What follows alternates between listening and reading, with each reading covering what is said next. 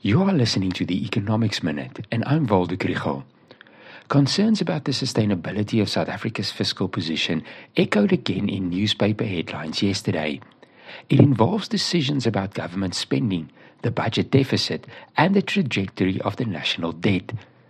This episode is supported by the NWU Business School.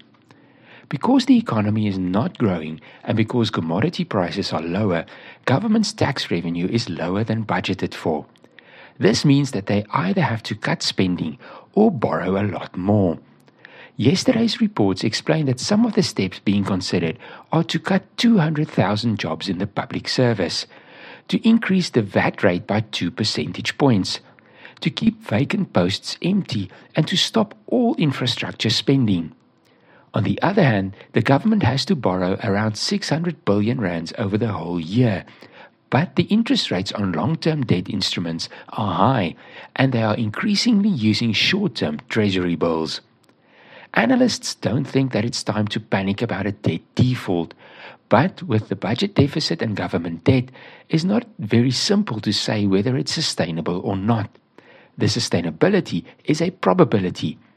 It is about the probability that in the next crisis we will be able to borrow for whatever extra spending is then required.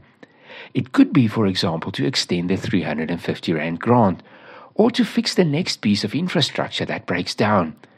But it now seems that there's little room left to maneuver. But what if there is no crisis and we plod along in a low growth equilibrium?